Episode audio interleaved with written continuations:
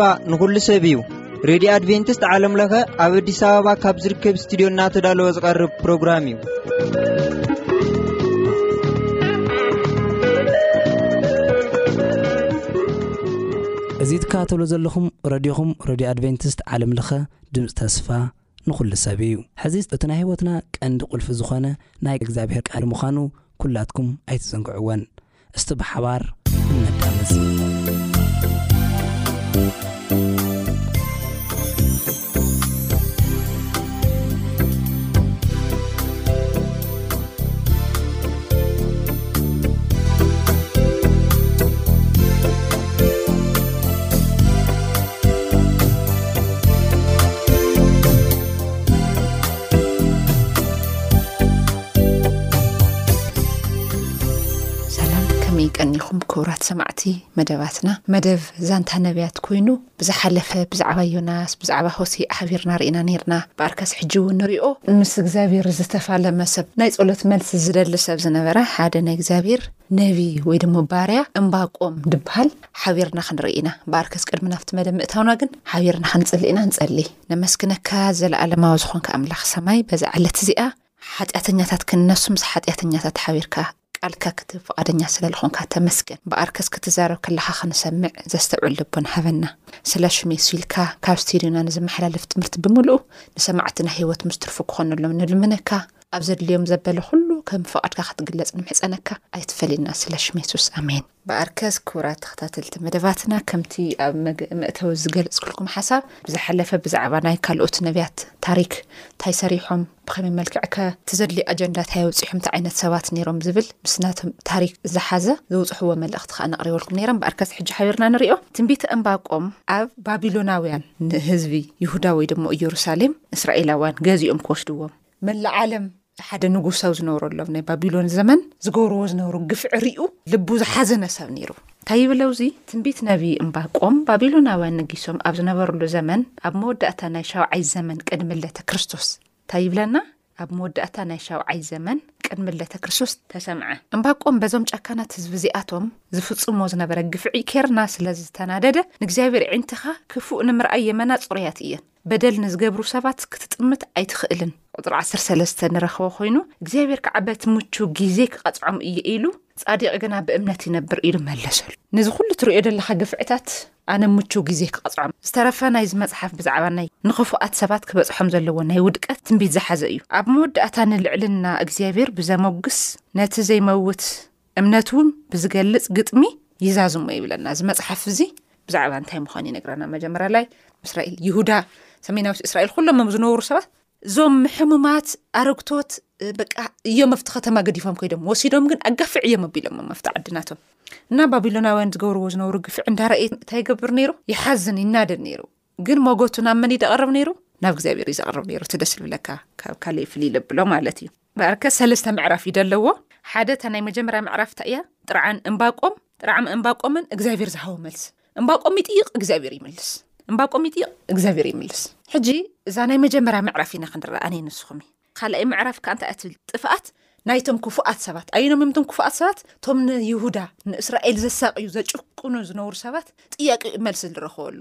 ድሕሪኡ ከኣ እንታይ ይብል ጸሎት እምባቆም ዘን ሰለስተ ምዕራፍ እዚኤን ኢና ሓቢርና ክንርኢ ባርከስ ሎማዓንቲ ንሪኣ ግን ጥርዓን እምባቆምን እግዚኣብሔር ዝሃቦ መልስን እንታይ እዩ ጠሪዑ እስከ ሓቢርና ነንብብ ምዕራፍ ሓደ እንታይ ይብል ነቢይ እምባቆም ዝረኣዮ ጾር እዚ እዩ ግፍዒ በዝሐ ኢለ ናባኻ ኣእወኹ ንስኻ ኣየድሐንካንን ስለምንታይ በደል ኣርእኻኒ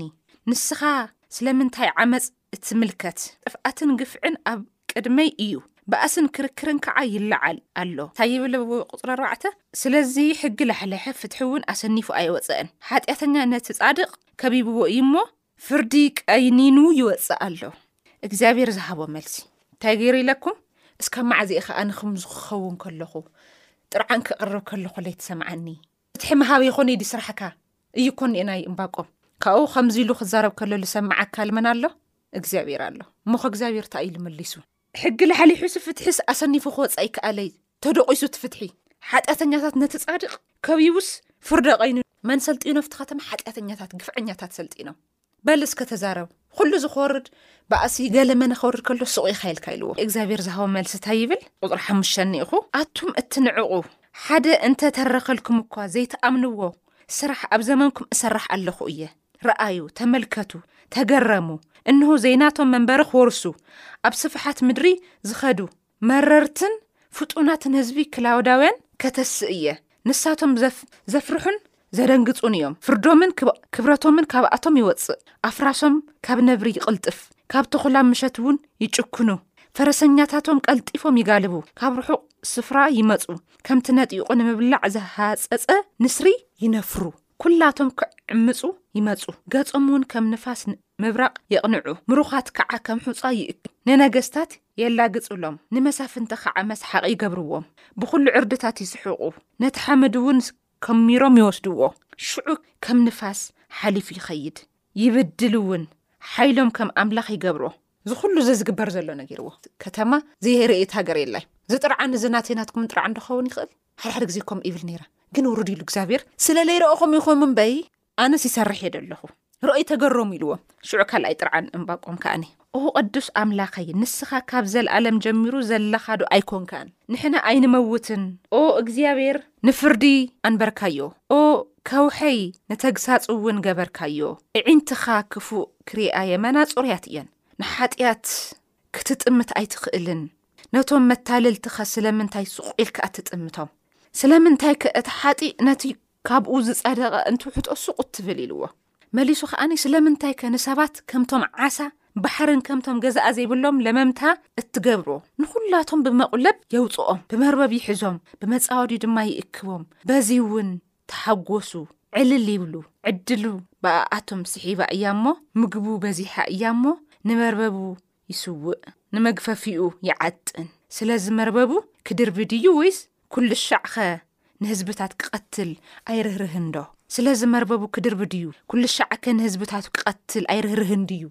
እግዚኣብሔር ንእምባቆም ዝሃቦ መልሲ ይብል እቲ ክትዕይ ከዓ እንታይ ከም ዝምልሰሉ ምእንቲ ክፈልጥ ኣብቲ መሐለውየይ ደው ክብል ኣብ ልዕሊ እምባ ክድይብ እየ እግዚኣብሔር ከምዚ ኢሉ መለሰለይ እቲ ዘንብቦ ምእንቲ ክቕልጥፍ ነቲ ራእይ ፀሓፎ ኣብ ሰሌዳታት ቅረጾ እቲ ራእይ ገና ንውስን ግዜ እዩ ናብ መፈጸሚኡ ይቕልጥፍ ኣሎ ኣይሕሱን ከዓ ኢልዎ እንተ ደንጉዩ ብርግጽ ክመጽእ እዩ ኣሜን ኣይድንጉዩን ድማ እንተ ደንጉየ ደማ ተጸበዮ እንሆ ነፍሱ ተዓብያ እያ ኣብ ውሽጡ እውን ቅንዕቲ ኣይኮነትን ጻዲቅ ግና ብእምነት ይነብር ንውስን ግዜ እዚ ነገር እዚ ትናቶም ውድቀትስ ትሕጂ ዘለዎስ ኣይግረምካ ኢልዎ ኣብ ዓለምናስ ብጣዕሚ ከበድቲ ዓመታት ዝሓለፉ ቀደማይ ኩናት ዓለም ካልኣይ ኩናት ዓለም ብዙሓት ናይ ሃገራት ጥፍኣት ርኢና ኢና ዘገር ጭካነ ደለዎ ግን እምባቆም ከም ዝጠይቁ ይፈጥሩ ኩሉ ነገሮም ክሳኽዐሎም መዓት እዩ ኣብዚ ክዛረብ ከሎ ንርኢ እግዚኣብሔር ከምዚ ኢሉ መለሰለይ እግዚኣብሔር በዓሉ ዝመለሶ እዩ እቲ ዘንብቦ ምእንቲ ክቕልጥፍ ነቲ ራእይ ጸሓፎ ኣብ ሰሌዳታት እውን ቅረጹ እቲ ራእይ ገና ንውስን ግዜ እዩ ናብ ፍጻሚ እዩ ይቕልጥፍ ኣሎ ኣይሕሱን ከዓ እንተ ደንጉይ ብርግጽ ክመጽእ እዩ ኣይድንጉይን ድማ እንተ ደንጉየ ድማ ተጸበዮ እንሆ ነፍሱ ተዓቢያ እያ ኣብ ውሽጡ ቅንዕቲ ኣይኮነትን ጻዲቕ ግና ብእምነት ብህይወት ይነብር ኣሜን ኣብዚ ከምዚ ሰዓት ከበድቲ ሰዓታት እቲ ኩሉ ዝበጽሕ ከበድቲ ግፍዕታት ኩሎም እዚኦም ንውስን ግዜያት እዮም ግን ዝኾነ ነገር ንኽፍጸም ተባሂሉ ዝተገበረ እምበር እግዚኣብሔር ንህዝቡ ከጥፍእ ወይ ድማ ከጨንቕ ደልየ ይኮነ ኢሎን እየ ወደቐት ድያ ትሕሪያ እኮ ሜዶን ፋርስ ደይበን እየን ሜዶን ፋርስ ደይበን ኣትየን ስልጣን ንዘለኣለም ኣይነብርን ጨካናት ንዘለኣለም ኣይነብሩ ጻዲቅ ግን ብሂወት ጻዲቅ ግን ብእምነት ብሂወት ይነብር ኢልዎ ኣብዚ ከቢድ ግፍዒ እዋናት ወይ ርድኣኒ እዩ ኮዩ ናይ እግዚኣብሔር ግን ፀሓፎ እዚ ንውስን ግዜ እዩ እንተደንጎየ እውን ተፀበዩ ተፀብዮም ሓቂ ዶ ኣብ ታሪክ ማደርና እስራኤላውያን ተኸድኩም ተሪኢኹሞ ንሶም ጥራሕ ኣይኮኒ ዓለም ብመላኣ ተፀቢያ እያ እግዚኣብሔር ኣምላኽ መፅኡ መንከራ ክወፅ ዘይደሊ ተማጒትዎ እምባቆ ተረድእዎ እግዚኣብሔር እንተደንጎዩ እውን ተፀበይዎ ኣይሕሱን እዩ ክመፅእ ኢልዎ መጀመርያ ግን እንታይ እንዳበለ ነይሩ እንዳተቃሰይ ነበረ ድዩ ከመይ ኢልካ እግዚኣብሔር እሶም ክስልጥኑ ትፈቅድ ሓደ ሓደ ግዜ ኣታ እግዚኣብሔር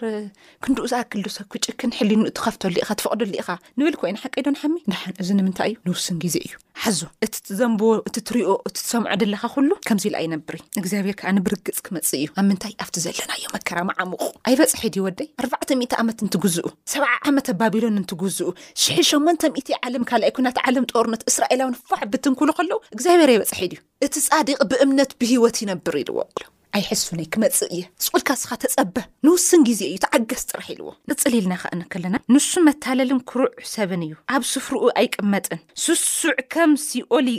የግፍሕ ከም ሞት ኣይጸግብን ንኩላቶም ኣህዛብ ናብ ባዕሉ ይእክቦም ንኩላቶም ህዝብታት ናብ ባዕሉ ይእክቦም እዚኣቶም ኩላቶም ነቲ ዘይናቱ ንባዕሉ ዝእክብ መትሓጃ ንባዕሉ ዘብዝሕ ወይልኡ ክስቃዕ መዓዝ እዩ እናበሉ ምሰላ ኣይምስሉሉንዶ? ተረኽትኸ ኣይተረቱሉንዶ? እቶም ዝነኽሱኻስ ድንገትዶ ኣየልዕሉኻን? እቶም ዘጨንቑኻ ክነቕሑ ዘማቲኦም ክትኸውን ኢኻ። ንደም ሰብ ስለ ዘፍሰስካ በታ ምድሪ ስለ ዝፈጸምካዮ ግፍዒ ንስኻ ንብዙሓት ኣህዛብ ዘሚትካ ኢኻ እሞ፣ ኩሎም እቶም ካብ ኣህዛብ ዝተረፉ ክዘምቱኻ እዮም። ካብ ክፉእ ንኽድሕን ንቤቱ ኣብ በሪኽ ቦታ ንኽገብር ንገዝኡ ዘይግባእ ትርፊ ንዝእክብ ወይልኡ። ንብዙሓት ህዝብታት ኣጥፊእኻ ኢኻ እሞ ንስኻ ኣብ ልዕሊ ነብስኻ ሓጢኣት ገበርካ። ኣብ ልዕሊ ገዛኻ ውርደት መኸርካ። እምኒ እውን ካብ ውሽጢ መንደቕ ክእውይ ክምልሰሉ እዩ። ንኸተማ ብደም ምፍሳስ ንዝሰርሕ ንሃገር ከዓ ብሓጢኣት ንዝምስርታ ወይልኡ። እንሆ ህዝብታት ስለ ሓዊ ንኽጽዕሩ ኣሕዛብ እውን ንኸንቱ ንኽደኽሙ ኣብ ጐይታ ሰራዊት እግዚኣብሔር ዝኾነዶ ኣይኮነን። ከምቲ ማያት ንባሕሪ ዝኸደኖ ምድሪ እውን ክብሪ እግዚኣብሔር ብምፍላጥ ክትመልእ ዝሕጀብ ዓለም ድግበር ደሎ ግፍዕታት ኣየደንቕካ ከም ንፋስ ሽው ኢሎም ዝሓልፉ እዮም ታይ ገብሩ ኣብ ከተማና ታይ ታይ እስከ ክብራት ሰማዕተይ ናይ ክንደይ ገዛውት ይፈርስ ናይ ክንደይ ገዛታት ይብዝበዙ ኣብ ቤት ፍርዲ ግፍዒ ይግበር ድኻ ይብደል ምዉት ዝኾነ ሰብኣያ ደቃ ይብደሉ ከመይ ኢልና ነጥፋእታ ከተማ ጥራሕ ይሓሳቦም ከመይ ኢልና ንዚ ህዝቢ ካብቲ ዘለዎ ፀግምኣት ነውፅኦ የለይ እዚ ነገር እዚ ሳይግረምካ ኢልዎ ከሞትስ ኣፉ ገፍ ፍሕፍሕ ኢልዎ ከም ሲኦል ክውሕጥ ኢዮም ዝእከቡ ህዝብታት ንኸጥፍኡሲ ተኣኪቦም የውግዑ በበየናይ መንገዲ ተኸድና ካብኡ ንሶም እንታይ ገብሩ እዚ ነገር እዚ ገይሮምስ ብሰላም ዝነብሩ ኢዩ ዝመስሎም ደሓር እቶም ዝተረፉ ንባዕሉ መጥፍእቲ ከም ዝኾነስ ኣይፈለጡይ ተስታውስቲ ኮይንኩም ናይ ኣሶር ንጉስ ለነይኩ ኣሶር ንጉስ ንእስራኤላውያን ብንጉስ ሕዝቅያስ ዘመን ተኸተማ ኸበይዎ ሓቀይዶ ተኸተማ ኸበይቡ ሚእትን ሰማንያን ሓሙሽተን ሽሕ ሰራዊት እዩ ተኸቢብካ ኢኻ ኢድካ ሃብ ክብሎ ከሎ ሕዝቅያስ ናብ እግዚኣብሔር ከይዱ ጸልዩ ንስኻ ኣይትፍራሕ ኪድ ደቅስ ኣነ ኣለኒ ምስ መን ክማገት ከም ደለኒ ይፈልጥ እየ ክድስኻ ዕረፍ ኢልዎ ሚእትን ሰማንያን ሽሕ ወታደራት ብጣዕ በትሽዑ ሰዓት ልል ብዙሕ እዩ መላእኽቲ ካብ ሰማይ መፅኦም ብለይ ምንም ነገር ቀቲሎሞ እቲ ንጉስ እዚ ነገር ዝስ ዜና ሰሚዑ ከይዱ ናብቲ ዝኣምኖ ኣምላኽ ተጎንቢሑ ክሰግድ ከሎ ተናዲዱ ተቖጢዑ መን እዩ ቀቲልዎ ደው ንሞት ተሲር ተኾይንካ ንሞት ፕላን ተውፅ እንተኾይንካ እታ ዘውፃእኻያ መንገዲ እያ ፀሚዳ ትሕዘካ ምሰላ ኳይ ምስሉ ሓቂ ወለድና ስራሕ ንስራሕ እዩ ዕሾኽ ንሓፃር እዩ ይብሉ ኣብ ምድሪ ክፉእ ገይሩ ብሰላም ክነብር ዝኽእል ሰብ የለ ናይ እምባቆም ጥያቄ ዝነበረ ከመይ ኢሎም እዚኦም ሲ ከም ዕምበባ ይዕምብቡ ኢልዎ መዝሙረ ዳዊት ክሰልጦም መዓት ኢልዎ ግን ናይ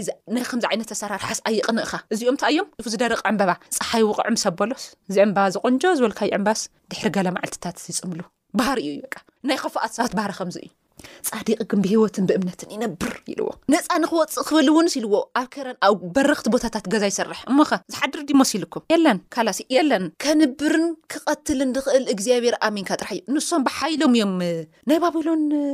እዚ እዚ ምሕደራ ብጣዕሚ ከ ይከብድ ነይሩ ብዝበዛ ብዝበዛ ከይመስለኩም ኣብ ልዕሊ ኣይሁዳውያን ዝተገበረ ብዝበዛ እምባቆም ሓቁ እዩ ክማገት በዚ ሰዓት እዚ ክንደይ ነገር ትሰምዑ ኣብ ልዕሊ ጥኑሳት ገዛ ይፈርስ የለን ዲ መንግስታት እኮ ንኣህዛቦም ረሲዖም ከምዚ ዓይነት ጥያቄ ናብ እግዚኣብሔር ኣቕሪብኩም ዶ ትፈልጡ ኣነ ክንደይ ግዜ ይቕረብ ነይረ ግን ናይ እምባቆም መጽሓፍ ምስ ኣንበኩ ጻዲቅ ብህይወትን ብእምነት ይነብር ቀረባ እዩ ንዚ ኩሉ ዝገብር ዝርኢ ዝሰምዕ እግዚኣብሔር ኣሎ ክትግረሙ ኢኹም ይሰርሕ እየ ደለኹ ኢሉ ከመይ ከም ትወጹ ባዕለ እየ ዝፈልጥ ንቶም ፍትሒ ዘጣመሙ እግዚኣብሔር ከመይ ገይረ ከም ዝቐጽዕ ከሎ ምስ እምባቆም ክፋለም ከሎ ንሪኦ ሃም ኢልካ እግዚኣብሔር እየ ትሰርሕ እንደለኻ ትብለኒ ይሰርሕ እባ ኣለኹ ኢልዎ ትርድኢኩም ከምዚ ዓይነት ነገራት ኣብ ዓለምና መሊኡ ንጻዲቅ ዘጨንቆ መንገዲ መሊኡ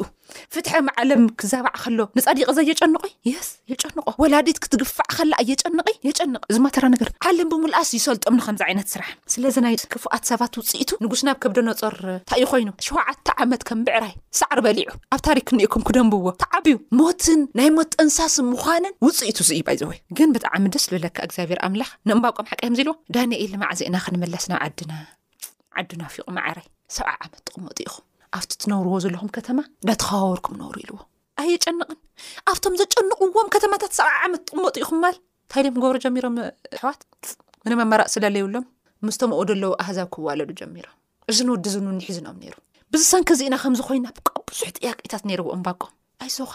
እዚ ንውስን ግዜ እዩ ከም ቆጽሊ ክጽምልው እዮም ናይ ሕጂ ዘለዎ ስልጣኖም ትገፊሕ ድኾነ ወታደራዊ መሪሕነቶም ኣየገርምካ ንስኻ ዝሓዝካዮ ኣምላኽ ኩሉ ግዜ የሸንፍ እዩ እንተ ደንጎኹ እውን ተጸበየኒ ኢልዎ እግዚኣብሔር ተጸበ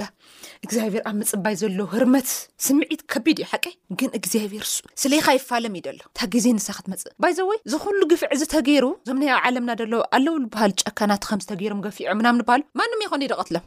ባዕሎም ልዓለመኡ እዮም ድጣፍኡ ትዝተረፈ እዩ ክቀትሎም ሓቀዩ እዚ ናይ ኣሰሩ ንጉሱስ እዎድዎ ደቁ እዮም ቀትሎሞ ምክንያቱ ያ ጅግንነት የርኤ ከምኡ እዩ ቃ ሞት ማኣፉ ገፊሕ እዩ ኩሉ ግዜ ከምሲኦል እና ከምዚኦም ዝበሉ ዘጨንቁ ነገራት ንርኢ ንክእል ንኸውን ሕዋተይ ክርስትናና ዘፈታተነና ምስ እግዚኣብሔር ከይንቐርብ የለኻን ኣነ ንኣኻ በመምላኸይ ምንም ኣይጥቀምን ባዶ ኢኻ እግዚኣብሔር ኣይትፈልጠንን እንብለሎም ነገራት ክሰፍሑ ይኽእሉ ሓንቲ ነገር ክነግረኩም እግዚኣብሔር ትማሊ ነይሩ ሕጂ እውን ኣሎ ንዘለኣለም እውን ክነብር እዩ ግን ናይ ግፍዐኛታት ዕድመ ነዊሕ ኣይኮነይ ናይ ፃዲቅ ዕድመ ግን ኣብ ምድሪ እውን ኣብ ሰማይ እውን ነዊሕ ተገፊዑ ክኸውን ይኽእል እዩ ግን እቲ ግፍዒ ንሓፂር እዋናት እዩ ሰብዓ ዓመት ማለት ክንደይ ትውልዱ እዮም ተፋርዮም እንታይ ይብለው ዝመሲልኩም ሕፍረት ስግኡ ንምርኣይ ንብጻዩ መስተ ዘስቲ ክፉእ ውን ዝውስኸሉ ንዘስክሮ ውን ወይሉ ክንዲ ክብሪ ሕፍረት መሊእካ ኣሎ ንስኻ ውን ሰቲኻ ሰንደልደል እቲ ጽዋዕ የማን እግዚኣብሔር ክምልሰካ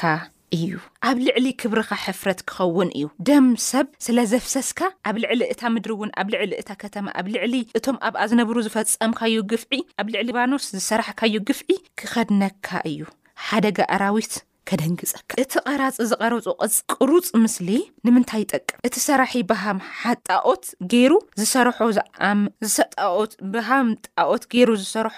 ዝኣምንከ እቲ መኺኹ ዝተሰርሐ ሓሶት ዝምህር ምስልኸ እንታይ ይጠቅም? እቲ ንዕንጸይቲ ነቓሕ ብሃም እምኒ ከዓ ተስእ ዝብሎ ወይልኡ ብሓቂ ብሓቂ ዶ እዚ ይምህር እዩ? እንሆ ብወርቅን ብብሩርን ተለቢጡ እዩ ምንም እስትንፋስ የብሉን። እግዚኣብሔር ግና ኣብ ቅዱስ መቕደሱ ኣሎ ኩላ ምድሪ እውን ኣብ ቅድሚኡ ሱቕ ትበል መጨረሻ እንታይ ክብል ከሎ ንርኢ እምባቆም እግዚኣብሔር ኣብ ዝፋኑ ከም ዘሎ ሱቑ ኢሉ ክፅበ ከም ዘለዎ ሓደ መዓልቲ እትሪኦ ዘለካ ኩሉ መፈፀምቲ ኣብ ኢደ እዩ ኢሉ ክነግሮ ከሎ ከም ዝተረጋግዐ ንርኢ ስለዚ ኣነፍቲ ዘለክዎ ኮይኑ እታ ክገብር እየ ኢሉ ብዙ ክፅበ እየ ኣብቲ ምሕለው እየ ደው ክብል እየ ኣብ ልዕሊ እምባ እውን ክድይብ እየ እሱ ክስካብ ዝዛረብ ክፅበ እየ ንምንታይ ኣብ ምድርና ዘለዉ ግፍዕታት ንምንታይ ከም ድኾኑ ክስካብ ዘረደእ ንክፅበ እየ ኢሉ ከረድኦ ከሎ ጥራሕ ደይኮነስ ክትርኢ ኢኻውን ኢልዎ ስለዚ ክፅበ ከም ደለዎ ግን ነዚ ሓድሽ ኣይኩንኩም ሓፈ ንክፍፀም ንውስን ግዜ እዩ ንውስን ግዜ ክትርእዎም ኢኹም ንዘለኣለም ዝነብር ዝበሃል ስልጣን የለን ግሪክ ሓሊፎም ሮማን ኤምፓየርስ ሓሊፉ ሜዶም ፋርሳውያን ሓሊፎም ግን ካብ ወንበሮም ልለይ ምልዓል ሞኪሮም እዮም ካብ ወንበር መንግስቲስ ካብ ስልጣን ለይ ምውራድ ዝኩላ ኢላዊ ጦርነት ደጥዮም ዶላ ካብ ወንበር ኣይወርድን እዩ ሓቀ ግን እቲ ክፍጸም ዝግብኦ ንክረእ ጥራሕ ናይ ግድን ጭካነ ምድሪ ይረኣ እግዚኣብሔር ጨካን ኮይኑ ግን ኣይኮነን ሰባት ዝመረፅዎ ምርጫ እዩ መሪፅና ኣይኮና ይድና ንእግዚኣብሔር ንክተል እምበር ክፉእ ምግባር ኣይኣብና ኣይኣብናን ግን ሕሊናና ንሕሊና ምንባር ኣብ ዝጀመርናዮ ሰዓት ካብ ክፉእ ንርሕቕ ንሶም ግን ንክፉእ ከም ጥዑም ምግቢ እዮም ዝደልይዎ ሰብ ምህዳን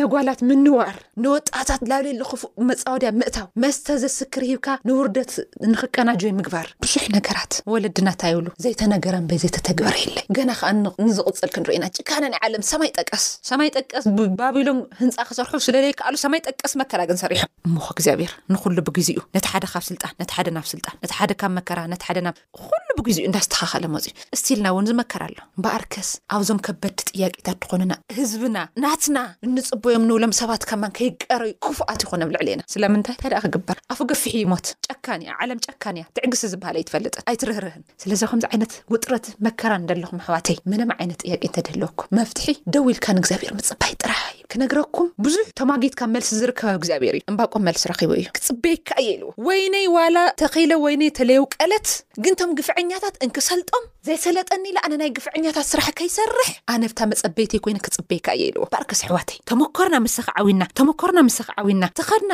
ክንልወጠሉ ኢልና ግን ካሊእ መገዲ ፈንተት እንተይልና ግን ናይቶም ክፍኣት ሰባት ውፅኢት መጨረሽኡ ከቢድ እዩ ከይንምክሮ ደው ኢልና ንእግዚኣብሔር ንፀ ኣብ ፍቕዲ ክንደይ ኣንቢበልኩም ኣብ መሕለውየይ ኮይነ ደው ኢለ ክጽበየካ እየ ቁጽሪ ሓደ ኣንቢበልኩም ፍቕዲ ሓደ ፍቕዲ ክልተ ከ ንውስን ግዜ እዩ እቲ ሰሌዳታት እዚ ኩሉ ክድምሰስ እዩ ሓደ መዓልቲ እቲ ትርእዮ ደለኻ ክፉእ ወዲ ክፉእ ድበሃል ነገር ከም ጻዕሪ ክደርቕ እዩ ኣይትጨነቕ እምባቆመይ ዝወደይ ኣይትደሃል ኣይትሕዘን እወ ጻዲቕ ደኣ እሞ ክፍኣት ከሕዝኖ ከጽልኦ ክፉእ ደኣ ታይ ዘፍቱ ነገር ኣለዎ ግን ብዙሕ ወጥርታት ተጨኒቕና ተቢልና ክንኾን ንኽእል ኢና ሓደራኻትኩም ምስላጥ ኣዊና። ወይንና ተኺልና፣ ዘርእታትና ዘሪእና ምውቃል ኣውይልና፣ ነገር ግን ዘርኢ ክነውቅል ኢልና ካሊእ መንገዲ ከይንጥቀም ንጸበይ ንጸበዮ እንተ ዘይመጸ እውን ግዜ ኣለዎ ናይ ባዕሉ ዝወሰኖ ግዜ ብናይ ሰብ ግዜ ክኸውን ኣይክእል እግዚኣብሔር ዝመደቦ ውሱን ግዜ ጽ ኩሎም ቃል ኣትዩሎም እንታይ ይብል ሰለሞን ጸሎቱ ዛዚሙ ክውድእ ከሎ ብሙሴ ኣፍ ዝተነገረ ቃል ሓቂ ኩሉ ዝፍጽም ኣምላኽ ስለለናስ ዝተመስገንካ ኩን ኢልዎ ኣብ ምዕራፍ ሸሞንተ ፍቅዲ ሱሳን ክልተን ኣለኩ ቀደማይ ነገስት ብቃል ሙሴ ብኣፍ ሙሴ ተዛሪብካ ዘይፈጸምካዮ ነገር የለይ ስለዚ ቃሉ ተዛሪቡ እዩ ክኸውን ድማ እዩ እንዳረእኹሞ ከም ቆጽሊ ክጽልሙ እዮም ስለዚ ንስኻትኩም ብዙሕ ዓይነት ኣብ ውጥረት እንተለኺ ሓፍተይ ሓወይ ኣይትደሃል እወ መሪር እዩ ክርስትና መሪር እዩ ህይወት ምስ እግዚኣብሔር ክትጓዓዝ ከለካ መሪር ዘብሎ ግን ዓለም ክትጥምታ ክርስቶስ ክሒድካ ናብ እግዚኣብሔር ናብ ዓለም ዘኮጉዩ ዝኽእል መንገድታት ብዙሕ መፃወዳታት ተዘርጊሖምልና ክኾኑ ይኽእሉ ተበልና ሰባት ቁኑዓት ክኾኑ ይክእሉ የብልዕልና ተረዲእኩም ብዙሕ ነገር ይምክሩ ቦታ ዳኣይና ኢና ክንገብር ኣሕዋተይ ሕማቅ ነገር ንግበር እግዚኣብሔር ስለልደንጉየ ንሕና ከምዞም ዓመፀኛታት ንዓምፅ እግዚኣብሔር ስለለይ ሰምዐና ንሕና እውን ክፉኣት ንኹን ዋላ ተለይ መፀ እግዚኣብሔር እዩ ታይ ኢሎም እዞም ከ ሰለስተ ናይ ዳንኤል ኣዕርኽቲ ስገዱ ኢሉ ክድርበዮም ከሎ እዚ ንጉስ ኣይን ክንሰግድን መን ኢኹም ደፋራት ኣብ ልዕሊ እዚ ዓይነት ኣፍኩም ትኸፍቱ ኢልዎ እስኻ ናፍጣ እቶን ሓዊ ክትድርበየና ትኽእል ኢኻ ኣንተዘየድሐነና እውን እንታይ ክንኸውን ኢና ክንመውት ኢና ሓደራኻትኩም እስካብ ክንድዚ ዝኣክል እግዚኣብሔር ምኽባር ክንኽእል እግዚኣብሔር ፈሊና ንፍለጦ ነኽብሮ ብመከራና ኢና ንእግዚኣብሔር ነኽብሮ ምርጫታትና ሽዑ እዩ ዝፍለጥ ኣይተረደእክን ሳሌም ሓፍተይ እቲ ሕጂ ትዛረብዮ ዘለኽ ዘረባ ናተ ህይወት ስለ ዘይፈለጡ የስ ኣነማ ክርደእካ ኣይክእልን እግዚኣብሔር ግን ትዘለኽዮ ዕምቆት ይፈልጦ እቲ ዘለኻዮ ዕምቆት ይፈልጦ እቲ ዘለኹሞ መከራ ብደንቢ ይርድኦ ስለምንታይ መስለኩም ወዱ ተሸንኪሩ እያ ርእዎ እዩ እቲ ዝጨንቆኩም ጭንቂ ኣብ ኢሳያስ መፅሓፍ ቅዱ ፀባ ናይዚ ከተማ ናይዞም ፃድቃን ፀባስ ይጨንቆ ነይሩ ይብሎ ስለዚ እንታይ ኢልዎ ክዱን ህዝቢ የፀናንዑለይ ተፀናንዑ ኣሕዋት እዩ ዘለኹም ኮይንኩም ናይ እምባቆም ጥያቄ እንተሃልይኩም ከም እምባቆም ከዓኒ ኣብታ ምዕራፍ ክልተ ደላ ደው ኢልኩም ተጸበዩ ዋይ ደው ኢልካ ምጽባይ ዘሎ ስምዒት ደስ ክብል ምጽባይ ንኸትኽእሉ ከዓኒ ሙሉእ ተስፋይን ሙሉእ ትምኒተ እዩ ብዙሕ ካብዚ ሕጂ ይኹን ቀጻላይ እውን ክንርኢ ኢና ዝቕጽ ናይ ምድሪ ባህሪ እዩ ስለዚ ዓወት ብዓወት ክነወጽእ ግን እንተደይኮነ እውን ክንመውት ኢና እንተዘይኮነ እውን እግዚኣብሔር ክንጽበ ኢና እዚ ጭርሖ ቃላትና ንገሮ መርሒ ቃልና መዕወት ኢና እዚ መፂ ክፍትነና ከሎ ብጥሜተይ ንንገላትዕ እንዲና